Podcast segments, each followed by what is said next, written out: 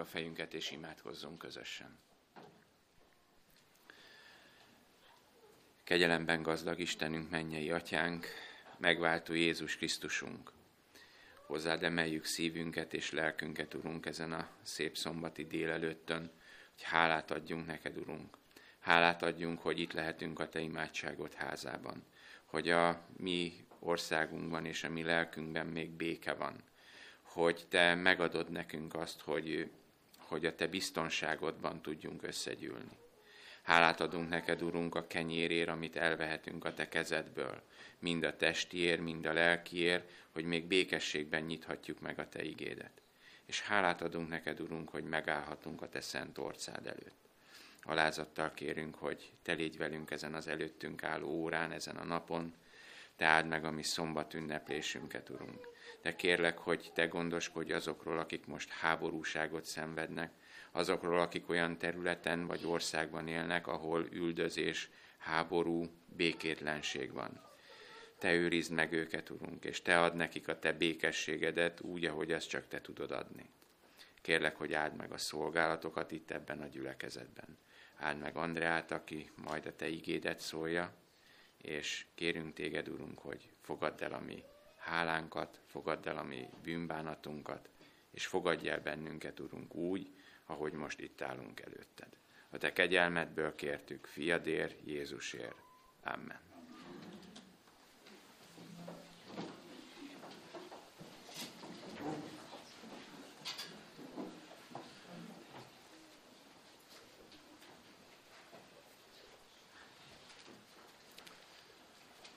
Kedves testvérek, imádkozó nép, imádkozó gyülekezet vagyunk, kérünk benneteket, hogy az elkövetkező héten, amikor térdet hajtotok az Úr előtt és imával járultok hozzá, akkor emlékezzetek meg, emlékezzünk meg testvéreinkről, gyülekezeteinkről és a lelkészeinkről.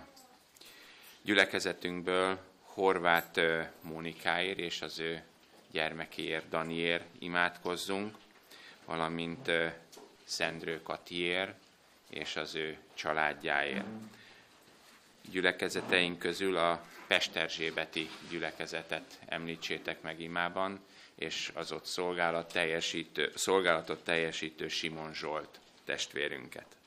Vannak ö, betegeink, Szabó Sámson és ö, Zsoldosné Szobkó Magdi néni. Kérlek, hogy imádkozzatok az ő felépülésükért, és vannak imakérések Ungvári Lajosért, Hegedűs Róbertért és Kónya Sándorért imádkozzunk az elkövetkező héten. És kérnem szépen most a testvéreket, hogy gyűjtsük össze a tizedeket és a hálaadományokat.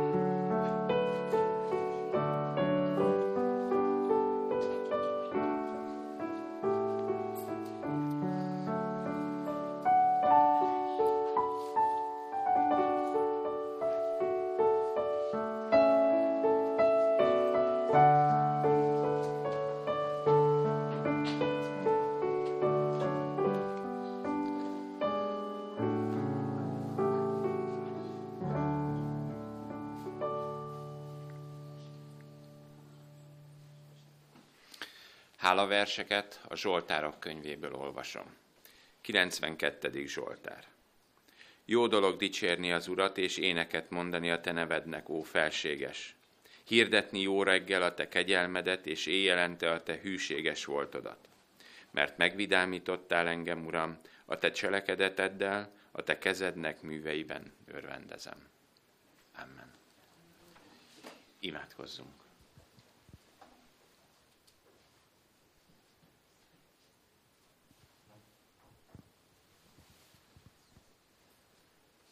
Mi atyánk Istenünk, ki vagy a mennyekben. Hálát és köszönetet mondunk neked a te jóságodért. Köszönjük a te kegyelmedet, amelyet minden nap megmutatsz a mi életünkben. Köszönjük neked a hétköznapi gondoskodásodat, hogy törődsz velünk, hogy kirendeled eledelünket, hogy kirendeled a munkánkat, és van, ahol békében le tudjuk hajtani a fejünket. Köszönjük neked azt, hogy te is szeretettel vagy mi irántunk. Jézusunk, köszönjük neked mindazokat a javakat, amelyeket tőled kaptunk, és köszönjük neked azt, hogy erőt adsz nekünk a mindennapokhoz, és köszönjük azt, hogy egy részt elhozhattunk te hozzád, és ezeket mind a te kezedre bízzuk. Jézusunk, áld meg ennek az összegnek az útját. Te tudod azt, hogy hol van a legnagyobb szükség erre, és segíts meg bennünket, hogy nyitott szemekkel és nyitott fülekkel éljük a mi életünket, hogy mi is észrevegyük, hogy hol van a szükség, és ami rajtunk múlik, azt megtegyük. Segíts meg ebben minket, Jézusunk, és add, hogy igazi tanítványaid lehessünk, hogy úgy féljék a mi világosságunk az emberek előtt, hogy látva a mi jó cselekedeteinket, neked adjanak dicsőséget. Így áld meg a mi napunkat, és maradj velünk. Jézusunk nevében kértük mindezeket, és köszönjük, hogy meghallgattál. Amen. Amen. Énekeljünk dicséretet az Úrnak a 328-as számú ének első versét.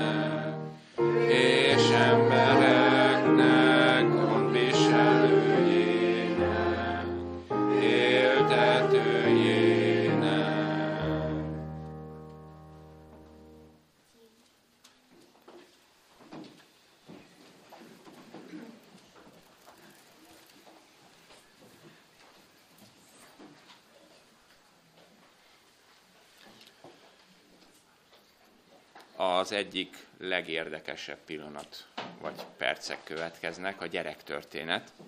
Megkérjük uh, Szilvási Csizmadi Andreát, hogy vegye szárnyai alá a gyermekeket.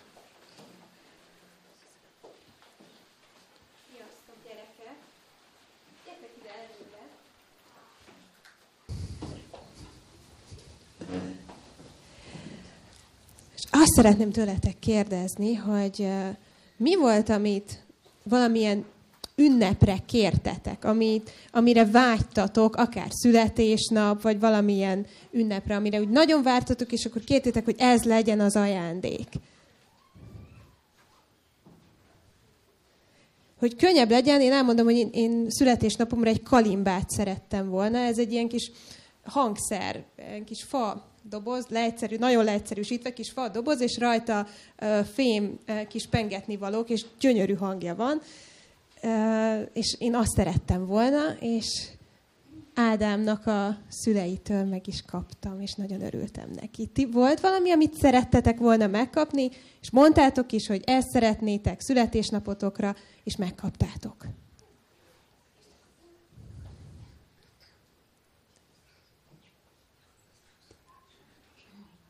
Távirányítós autót. Képzeld el, hogy egy pont egy távirányítós autó, autóról szeretnék egy, mesét, egy történetet mondani, ami a mi családunkban esett meg. De jó, az én nagylányom is, elmondhatom? Köszönöm. Egy távirányítós autót szeretett volna a hatodik születésnapjára, és szintén megint a férjem szülei, nagyikáéktól meg is kapta ezt a távirányítós autót, és hú, nagyon örültek neki és sokat játszottak vele, hanem egyszer csak elkezdett nem működni ez a távirányítós autó. És hát akkor persze, apa, apa, nézd meg, csináld meg, hogy működjön. És a férjem meg is nézte, az egyikből kivette az elemet, és aztán berakta a más, mert ugye van egy távirányító, meg van egy autó, és mind a kettőbe kell elem. És valahogy ezek az elemek helyet cseréltek, összecserélődtek. Lényeg az, hogy nem ment ez az autó. Picit így megmozdult, és kész. És aztán utána, amikor próbálkoztunk vele kikapcsolni, bekapcsolni, semmit.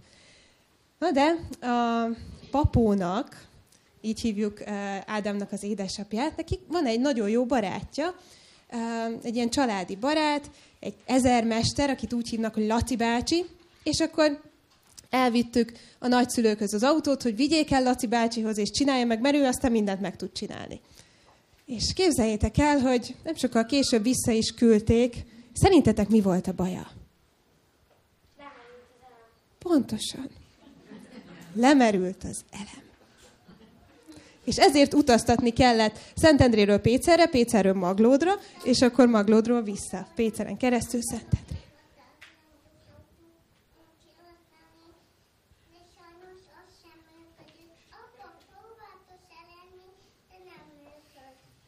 Nem működik. El kell vinni Laci bácsihoz, jó?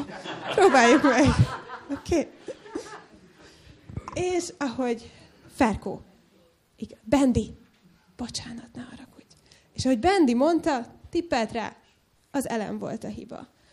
És tudjátok, hogy velünk is van ilyen, hogy lemerül az az elem, elfáradunk. Biztos ti is voltatok már, hogy nagyon sok volt az iskola, az óvoda, a minden, és úgy már elegetek volt az egészből. És képzeljétek el, hogy a Bibliában is vannak olyan emberek, akik nagyon-nagyon elfáradtak. És arról szól az a bibliai történet, hogy Isten hogy építette újjá őket. Hogyan vigasztalt őket meg. Volt egy illés próféta. Mit csinált illés? Valami, valami nagy dolgot. Az ő imájára tűz jött le az égből, és megemésztette az áldozatot. Egy olyan áldozatot, amit előtte 12 vödör vízzel leöntöttek. És imádkozott, és Isten tüzet küldött le, és megemésztette az áldozatot. Nagy proféta volt ez az illés. Tényleg egy, egy hatalmas hithős, ahogy így felnőttekként szoktuk emlegetni, és volt, hogy ő is nagyon, de nagyon elfáradt. És Isten megvigasztalta az ő profétáját. Enni adott neki. Hagyta még azt is, hogy visszaaludjon, képzeljétek el. És még egyszer küldött neki enni, és utána meghívta egy különleges találkozásra. Előfordul mindenkivel, hogy elfárad, de az a jó, ha Bibliában, hogy még erre is van benne bátorítás. Szeretnék nektek egy igét felolvasni. Ézsaiás könyvéből. Így szól a 40. fejezetből. Hát nem tudod, vagy nem hallottad, hogy örökkévaló Isten az Úr. Ő a földkerekség teremtője, nem fárad el, és nem lankad el, értelme kifürkészhetetlen. Erőt ad a megfáradtnak, és az erőtlen nagyon erőssé teszi. Elfáradnak és ellankadnak az ifjak, még a legkiválóbbak is megbotlanak, de akik az Úrban bíznak, erejük megújul, szányra kelnek, mint a sasok, futnak, és nem lankadnak meg, járnak, és nem fáradnak el. Ist, bocsánat, mondjál csak nyugodtan.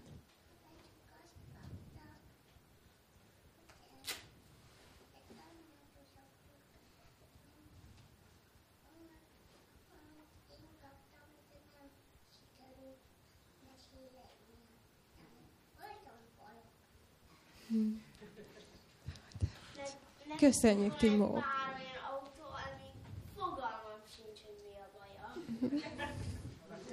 Hát, Laci bácsi az Látjátok? Istenről mit mond ez a, Biblia, ez a Biblia vers? Hogy Isten nem fárad el. Mi pedig elfáradunk. És Isten ilyenkor erőt ad nekünk. Megvigasztal minket, feltölt bennünket, megengedi, hogy nála megpihenjünk, és utána újult erővel induljunk tovább. Úgyhogy én arra biztat, biztatlak titeket, de feledkezzünk el ezekről az elemekről sem, hogy ezek lemerülnek, és ezeket újból és újból tölteni kell, folyamatosan tölteni kell. És az a jó, hogyha folyamatosan beszélgetünk Istennel, ugye a mi lelkünk mindig töltődik, és hogyha nagyon elfáradunk, akkor is tudjuk, hogy nála új erőre kaphatunk. Köszönöm, hogy meghallgattatok.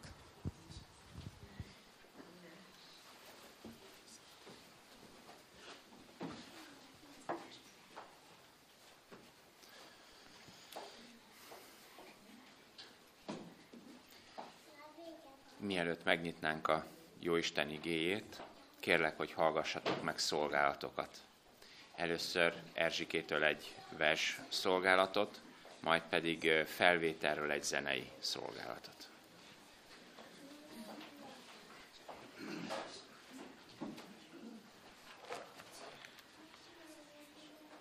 Kum Magdolna a leghatalmasabb. Csendes eső esik, Isten könnye hull. Megállíthatatlanul, szakadatlanul, mert látja, hogy a világ végleg elveszett, hisz haldoklik benne az ember szeretet.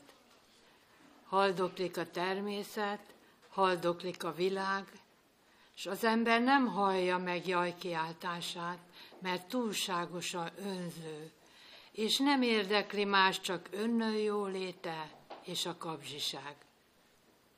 Ne könnyezz, Istenem, nézd le azokra, kik még jól tudják, mit ér a szeretet szava, s kikben él még az a hit, hogy erőt adsz nekik, ha majd letiporják őket ellenségeik. E bűnnel teli világban egyedül te vagy, ki gyarló földi életünkben változást hozhat. Változást, mely sokat szorra megmutatja azt, hogy ki is a világon a leghatalmasabb. Amen.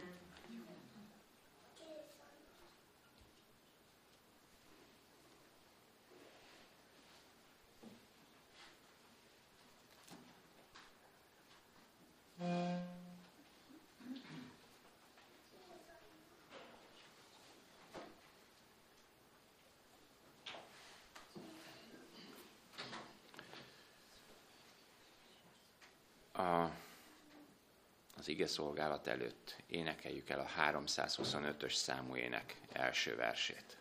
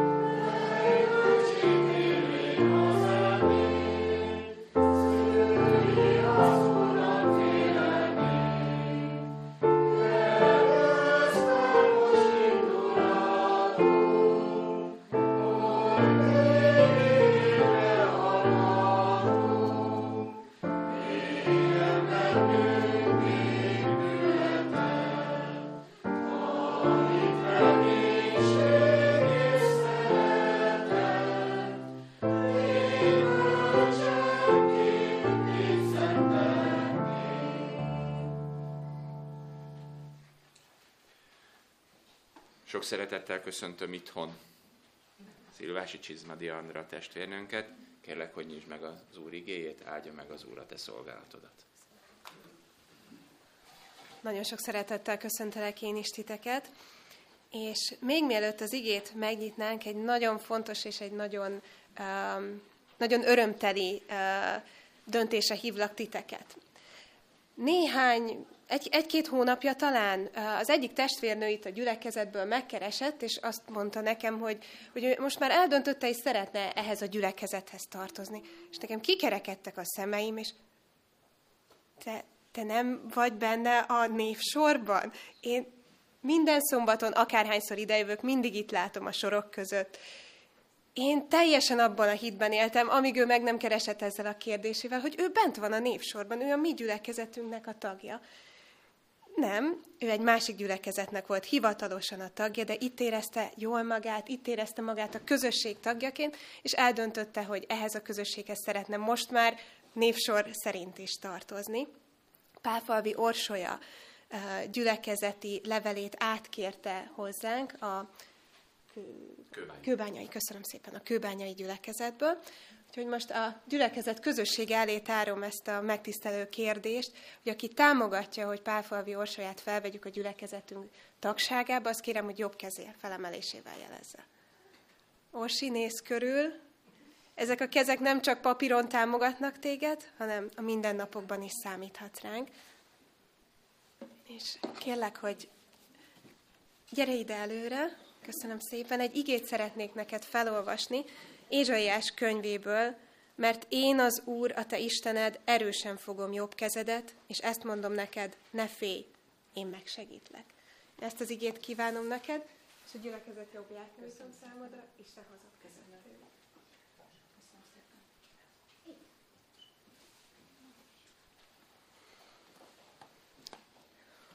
Volt, hogy elterveztetek már valamit, és, és nagyon másképp sikerült, mint ahogy azt megálmodtátok. Sokszor, sokszor igen, nagyon sokszor uh, történik ez velünk. Nekem az egyik uh, emlékezetes dolog, amikor így készültem és eszembe jutott, az uh, a második uh, szülés élményem. Uh, nagyon sok képet lehet látni vízben szülésről. Lehet, hogy ti is láttatok már így interneten, és számomra mindig olyan békések voltak, és olyan meghittek, olyan nyugodtak. És uh, amikor Abigail született, akkor lehetőségem volt rá, hogy uh, egy olyan kórházban szüljünk, ahol ez, ez adott volt ez a feltétel, és megbeszéltem a szülésznővel, én úgy szeretnék vízben szülni. És tudjátok, az én fejemben még az is élt, hogy ez kevésbé fájdalmas. És, és mert tényleg azokra a képekre olyan meghittség, és boldogság, és béke áradt, és ó, mondom, én, én tényleg egy ilyen szülést szeretnék. És tényleg nagyon szép szülés volt. Nagyon olyan igazi erőt adó, olyan, olyan, olyan amit mindenkinek kívánnék, minden egyes kismamának. De tapasztalatból tudom, hogy a vízben szülés is ugyanúgy fáj, mint ha nem vízben szülés. Ez így, ez így érdekes volt uh, megtapasztalni ezt, hogy én mire vártam, hogy az majd nem fog annyira fájni, hát az is fáj, de, de a végeredményért minden megérte. És, és egy nagyon szép emlék volt mindannyiunknak. Van, hogy elképzelünk, eltervezünk, megalkotunk bizonyos dolgokat, hogy ezeknek hogy kéne véghez mennie, és hogy kéne beteljesednie, és aztán amikor ott állunk, és látjuk, hogy hát ez nagyon nem az, amit mi elképzeltünk, akkor döntés előtt állunk ismét. Elfogadjuk ezt, hogy így van, és, és akkor megyünk ebbe az irányba, vagy küzdünk még a saját magunk igazáért, hogy ennek így kell történnie. Lukács evangéliumából szeretnék egy történetet felolvasni. Aki olvasta a bulletinben, hogy melyik ige szakasz van, sajnos a pénteki napunk az nem úgy sikerült, ahogy elterveztük megint így egy, más, így egy másik történetet hoztam számotokra, nem az 57. Zsoltárt, azt is át fogjuk egyik szombaton majd venni. Az is egy gyönyörű Zsoltár és fantasztikus mondani valóval, de én hiszem azt, hogy Isten útjai kifürkészhetetlenek, és lehet, hogy ma itt közöttünk van olyan, akinek pont erre a történetre van szüksége. Lukács evangélium a 7. fejezet, 16-tól a 23. verséig olvasom a történetet. Mindezt hírül vitték Jánosnak a tanítványai. Mindjárt beszélni fogunk arról is, hogy mit vittek hírül a tanítványok. Keresztelő Jánoshoz. Ő pedig magához hivatott tanítványai közül kettőt, és elküldte őket az Úrhoz ezzel a kérdéssel. Te vagy-e az eljövendő, vagy mást várjunk?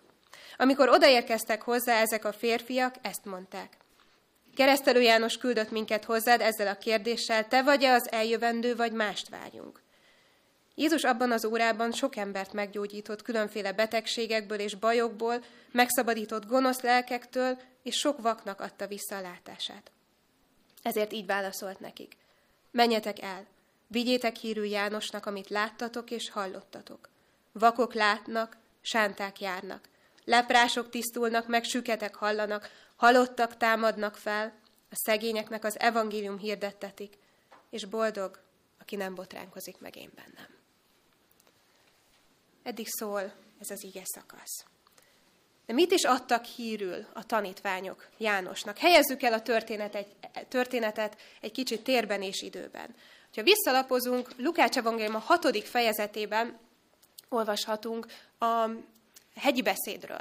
Lukács is bizonyságot tesz erről, hogy Jézus, Jézus tanított, és Jézus elmondta, hogy kik a boldogok beszélt erről. Beszélt arról is, hogy szeressük ellenségeinket, itt konkrétan Lukács evangéliumában is. Arról, hogy reagáljunk másképp, mint amit talán zsigerből tennénk. Hogy amikor bántanak, akkor mi is visszabántsunk. Nem, válasszunk egy másik utat. Jézus erről beszél. Beszél arról is, hogy szilárd alapokra kell építkeznünk.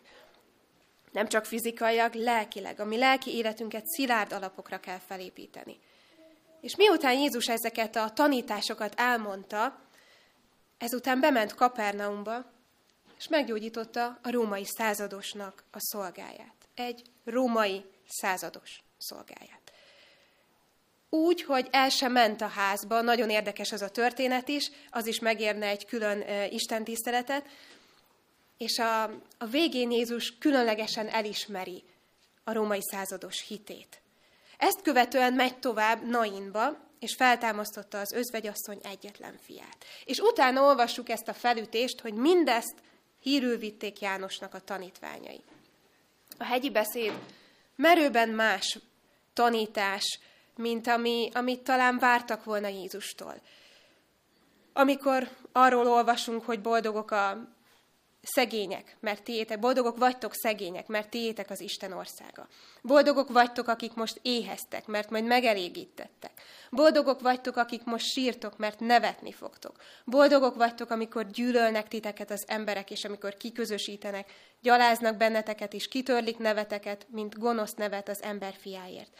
Örüljetek azon a napon, és újjongjatok, íme nagy a jutalmatok a mennyben, mert ugyanezt tették atyátok, atyáik a profétákkal merőben más, mint amit talán vártak volna Jézustól. Amikor ott van, hogy egy római embernek a szolgáját gyógyítja meg, az sem biztos, hogy minden egyes rétegnél ugyanolyan pozitív, mint amilyen pozitívan talán Jézus megélte. Majd pedig egy özvegy fiának adja vissza az életét. János pedig ezeket halva üzenetet küld a mesternek. Keresztelő Jánosra, a kiáltó szóra, mint útkészítőre emlékezünk, Jézus előfutárára. És hogyha visszalapozunk az evangéliumokban, láthatjuk, hogy már a születése is egy csoda. Megismétlődik Ábrahámnak a tapasztalata szinte azt, hogy egy idős, gyermektelen pár mégis gyermekáldásnak örvendhet. Istennek különleges volt vele a terve. Bűnbánatra és megtérésre hívta a népet. És döntésük jeleként megkeresztelte őket. Hirdette, hogy közel van Isten országa. És az elsők között volt, akik Jézusban felismerték, hogy ő valaki más. Ő az. Ő a megígért bárány, Isten bárány, aki elveszi a világ bűneit.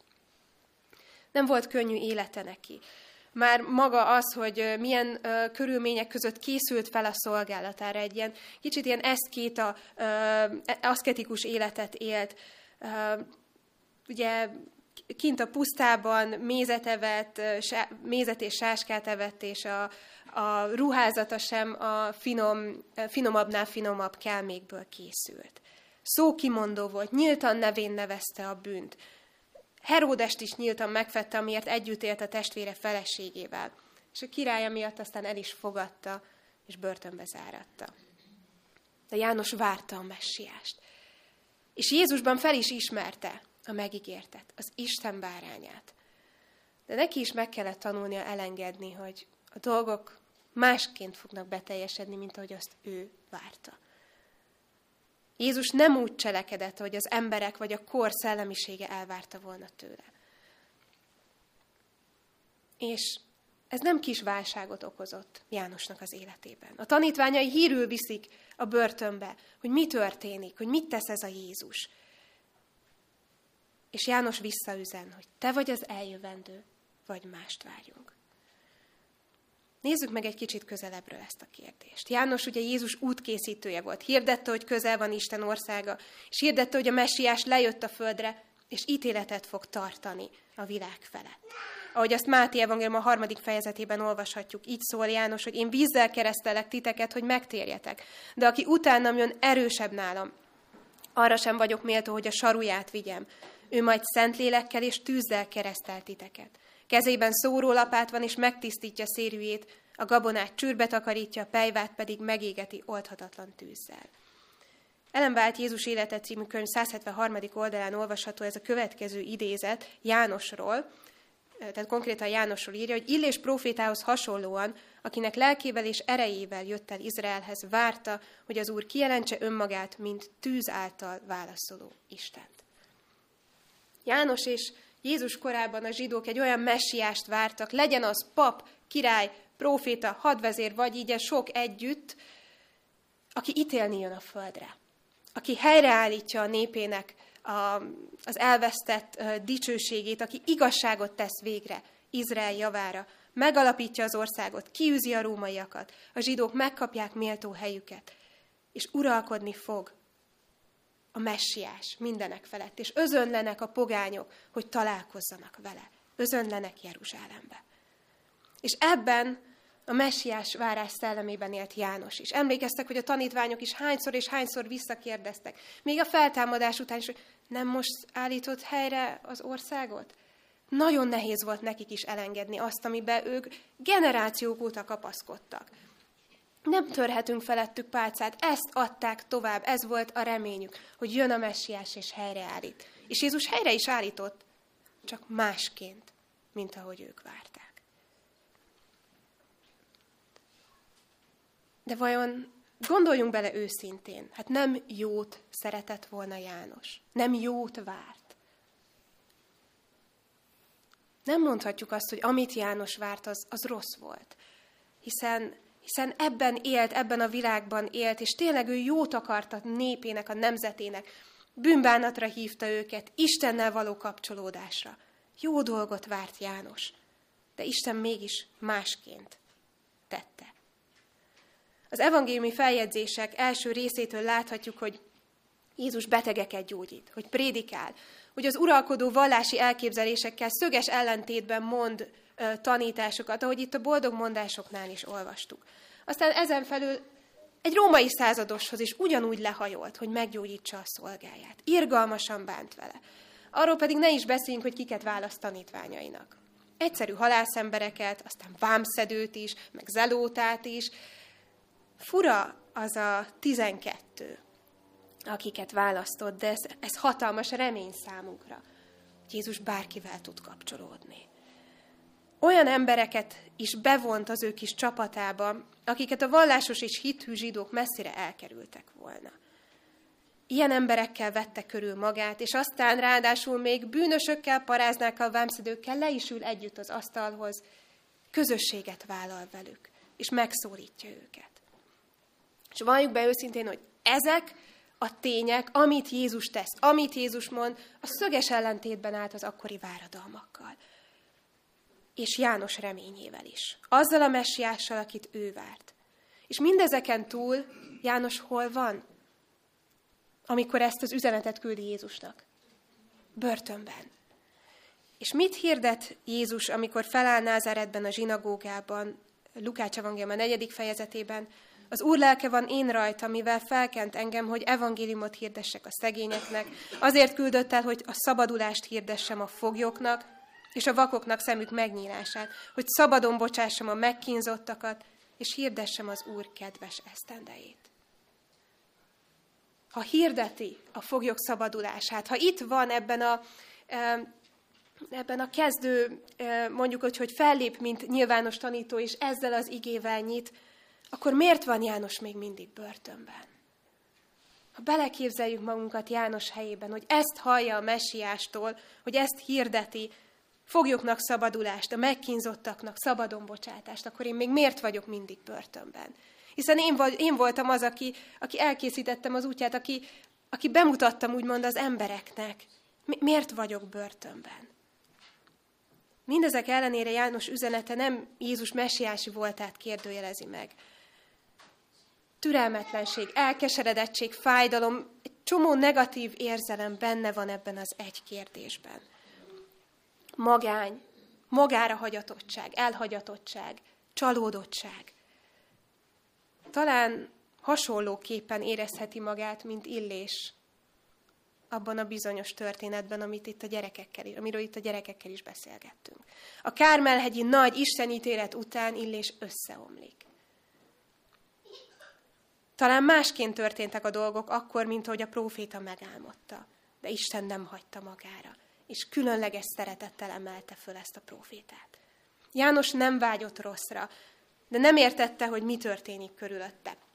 Nem értette, hogy miért lepik el még mindig Jeruzsálem utcáit az idegen rómaiak, hiszen itt a messiás. Miért van még mindig elnyomás alatt a zsidó nép? Miért nem foglalja el Jézus a királyhoz megillő helyét? Miért, miért, miért? Miért van még mindig börtönben? Miért cselekszik Jézus ennyire másképp, mint ahogy szerinte azt neki tennie kéne? És mindennek a következménye volt az a kérdés, amit üzent Jézusnak. te vagy az eljövendő, vagy mást várjunk. Jézus előtt is voltak már úgymond messiások, akikben folyamatosan csalódott a nép. Újból és újból és újból. És János felteszi ezt a kérdést. Te vagy a messiás? Te vagy az eljövendő? Vagy mást várjunk? Most ez is egy újabb csalódás? Vagy hogy van ez az egész? Jézus ismert minden érzelmet, érzést és gondolatot, ami emögött az egy mondat mögött volt János szívében. Ismerte mindenkinél jobban, hogy mi történik az ő szeretett profétájával, és válaszolt. De megint másként, mint ahogy talán elvárnánk tőle.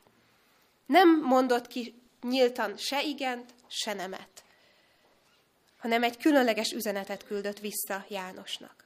Menjetek el, Vigyétek hírű Jánosnak, amit láttatok és hallottatok. Vakok látnak, sánták járnak. Leprások tisztulnak meg, süketek hallanak, halottak támadnak fel, a szegényeknek az evangélium hirdettetik, és boldog, aki nem botránkozik meg én bennem. Semmi elmarasztalás nincs a beszédében Jézusnak. Nem teremti le János, hogy János, hogy kérdezhetsz már ilyet? Hát gondolkozzál már egy kicsit, szállj egy kicsit magadba, imádkozzál többet, olvas többet a tekercseket. Nem. Jézus akkora szeretettel válaszol ennek a tanítványnak. Tényeket közöl vele úgy mond. Pont azt, amire talán Jánosnak szüksége van. De azt sem mondja, hogy János, nyugodj meg, én vagyok. Eleget vártál, itt vagyok elérkeztem. Nem. Mert van, amire Jánosnak saját magának kell választ adnia. Jézus nem mondja meg János kérdésére egyenesen a választ, hanem azt akarta, hogy János maga döntsön. Számára kicsoda Jézus. Az eljövendő, vagy a valaki más. Jézus válasza az a szelít hang volt, ami illéshez is szólt, az erős szél, a földrengés és a tűzvész után. Mit csinálsz itt, illés? Egy olyan kérdés, amire a próféta kiönthette minden fájdalmát. Ami után Isten nekiállhatott helyreállítani őt. Mit csinálsz itt, Illés? Jézus arra kérte a tanítványokat, hogy azt mondják el, amit láttak, amit tapasztaltak Jézustól. Mondják el, hogy mi történik, hogy vakok látnak, sánták járnak, leprások tisztulnak meg, süketek hallanak, halottak támadnak fel, és a szegényeknek hirdettetik az evangélium. Mondják el, hogy Jézus cselekszik, hogy Isten nem hagyta magára az ő népét, hogy csodák történnek. Mondják meg nekik, hogy látták, amint Jézus szabadulást adott a bűn terhe alól. Mondják meg nekik, mondják meg Jánosnak, hogy a vakok újból látnak. Azok, akiknek semmi esélyük nem volt, hogy lássák a messiást, most őt láthatják arra kérte a tanítványokat, hogy mondják el a Jézussal, Jézussal szerzett tapasztalataikat. És János mindezeknek a tudatában döntsön. Vajon Jézus az eljövendő, vagy mást kell várni? És Jézus üzeneteit nem ér véget. Még van egy, mondjuk így, hogy félmondat. És boldog, aki nem botránkozik meg én bennem. Jánosban talán egy világ omolhatott össze, amikor látta, hogy nem úgy történnek a dolgok, ahogy ő azt megálmodta. Összedőlt az a jövő, amit felépített az álmaira. És Jézus nem csak segítséget nyújtott Jánosnak a döntésben, hogy a saját kérdésére végre választ kapjon, hanem a régi, hamis és a napokban összeomlott Istenkép helyett egy újat mutasson neki. Egy új lehetőséget tárt elé egy új jövőképet az igazi messiásban. Egy tanács volt. A döntéshez egy segítség. Boldog, aki én bennem nem botránkozik meg. Boldog vagy, ha nem a saját elképzeléseit tükrén keresztül nézel engem, hanem meglátod, hogy ki vagyok valójában. Boldog vagy, hogyha hinni tudsz bennem annak ellenére is, hogy másként történnek a dolgok, mint ahogy azt vártad. Boldog vagy, ha bízol bennem annak ellenére, hogy még mindig itt vannak a rómaiak, és még itt lesznek ezután is. Annak ellenére, hogy az országomat nem úgy alapítom meg, ahogy te azt megálmodtad. Higgy bennem a körülmények ellenére, és boldog leszel. Jézus így válaszolt Jánosnak, és én hiszem, hogy János meg tudta hozni a megfelelő döntést az életében. Mi is vagyunk hasonló helyzetben Jánoshoz. Tervezünk, álmodunk, és csalódunk. És talán csalódtunk Istenben is, mert Isten nem úgy válaszolt a mi kéréseinkre, hogy azt szerettünk volna. Nem értjük, hogy mit miért tesz bizonyos helyzetekben. Mikor annyira jó dolgot kértünk, annyira jó dologért imádkoztunk. Gyógyulásért, megtérésért, békéért. És akkor Isten valahogy mégis egész másként cselekszik.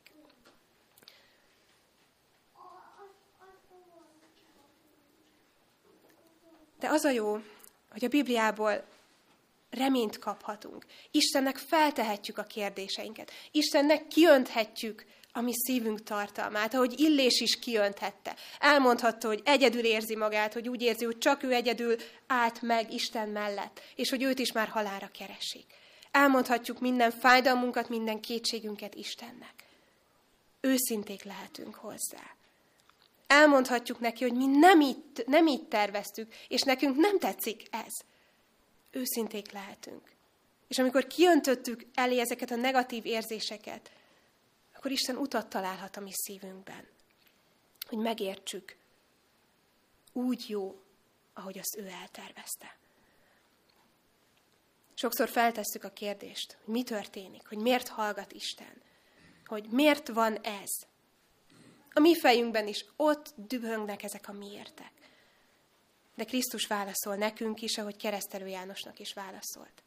Vakok látnak, sánták járnak, leprások tisztulnak meg, süketek hallanak, halottak támadnak fel, a szegényeknek az evangélium hirdettetik. Isten válaszol nekünk is, hogy én vagyok.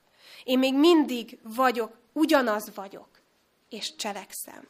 Mindennek célja van. Te sokszor nem látod, vagy nem akarod meglátni. De én gondodat viselem, és nem maradok el mellőled. A látszat sokszor mást mutat, de hidd el, itt vagyok. Jézus ma is szól hozzánk ezeken az igéken keresztül. Ő nem engedi ki a kezéből a gyeplőt. Nem az, aki fogja a gyeplőt és a lovak közé dobja, hogy most aztán történjen, aminek történnie kell, utána a vízözön, stb. Nem. Isten kézben tartja a világunkat. Még akkor is, ha mi sokszor másképp gondoljuk ezt. Van remény. És boldog, aki nem botránkozik meg benne. Boldogok vagyunk, ha el tudjuk engedni a saját elképzeléseinket. És engedjük, hogy Isten úgy cselekedjen, ahogy az az ő akarata szerint van. Bizony a ti gondolataitok nem az én gondolataim, és a ti utaitok nem az én utaim, így szól az Úr. Mert amennyivel magasabb az ég a földnél, annyival magasabbak az én utaim a ti utaitoknál, és az én gondolataim a ti gondolataitoknál.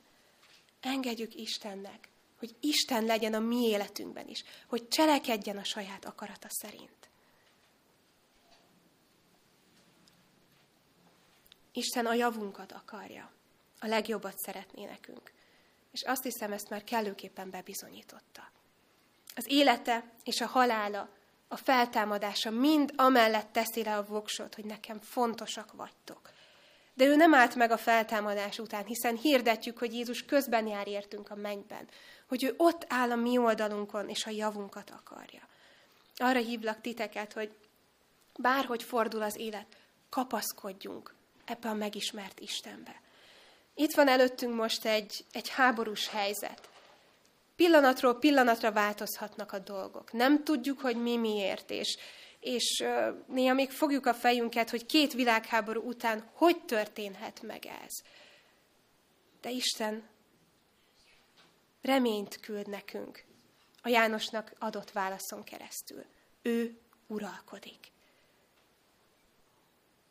És hogyha ha körülnézünk, nem csak a háborút látjuk, hanem én látom azt a gyűjtést, amit ez a gyülekezet, és nem csak a gyülekezet, hanem az utca is, és, és akik ide betértek, összehoztak. Annyira jó volt megtölteni egy autót mindazokkal, amiket hoztatok.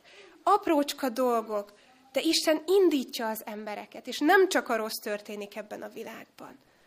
Ott van a remény, mindig ott van a remény. És Isten ma szól hozzánk, adjuk át neki a vezetést, és engedjük, hogy úgy vezessen minket, ahogy az az ő akarata szerint van. Mert ő a legjobbat akarja nekünk. Legyen Jézus az őt megillető helyen az életünkben. Legyen igazán Isten a mindennapjainkban. Amen.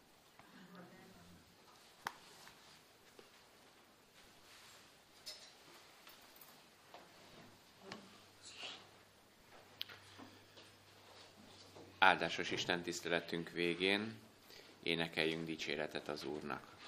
Először a 235-ös számú ének három versét énekeljük, majd Andrea imája után a negyedik verset. Jó? 235-ös számú ének első három versét énekeljük.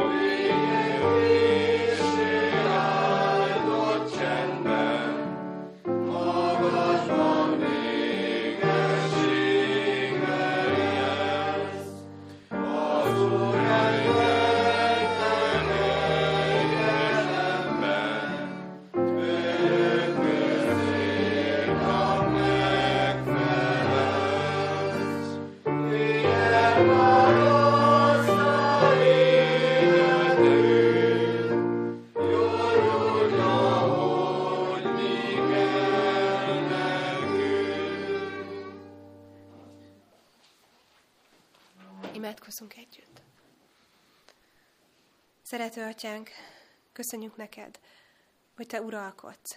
Köszönjük neked, hogy bízhatunk benned. És ha még sokszor nem is úgy történnek az események, ahogy mi vártok, vagy ahogy szerintünk az jó lett volna, bízhatunk a te jóságodban, a te igazságodban, a te bölcsességedben. Atyánk, sokszor nehéz elengedni ezeket a terveket, ezeket az elképzeléseket a kezünkből. Nehéz bevallani, hogy te vagy a bölcsebb közülünk, te vagy az, aki mindent látsz. Mi csak az érem felénkeső oldalának is talán csak egy részét. Te vagy az, akinél ott van a teljes kép. Atyánk, taníts meg minket bizalomra benned. Add, hogy belé tudjunk kapaszkodni, és hogy megismerjünk téged, és elhiggyük rólad, hogy te tényleg jót akarsz nekünk. Sokszor, ami sebzett istenképeink, azok pont a másik irányba terelnek minket. Félelemre, félelem, félelmet gerjesztenek a mi szívünkben, és nem tudunk bízni abban, hogy jó az, amit te elterveztél, de atyánk, add, hogy napról napra a veled való személyes kapcsolatunkban egyre jobban megismerhessünk téged. Megismerhessük a te gyönyörű arcodat, aki bemutatkozott Jézus Krisztusban, és tényleg elhiggyük, hogy te jót akarsz nekünk. Köszönjük, hogy meghallgatsz minket. Amen.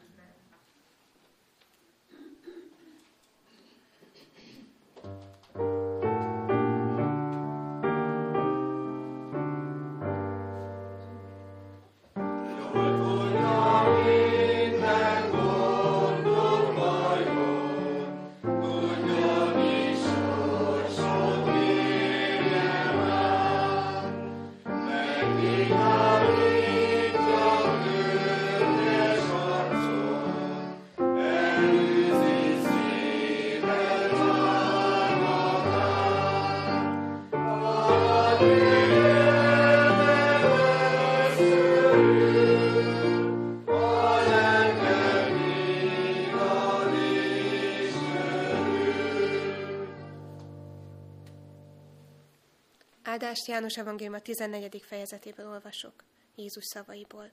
Ne nyugtalankodjék a ti szívetek, higgyetek Istenben, és higgyetek én bennem.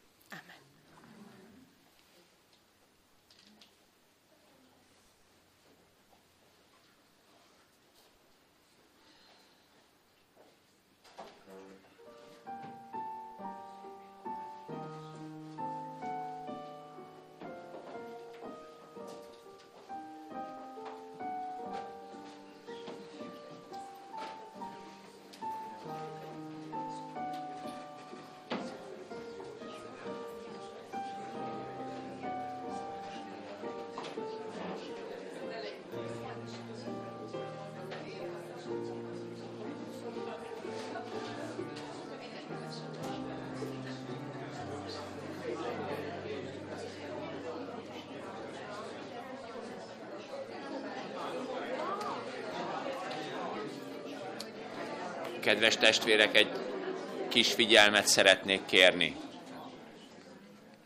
Amint azt már korábban hirdettük, ma a gyülekezet választan, illetve ma a gyülekezetben elkezdődik a választás. Ezért megkérem a testvéreket,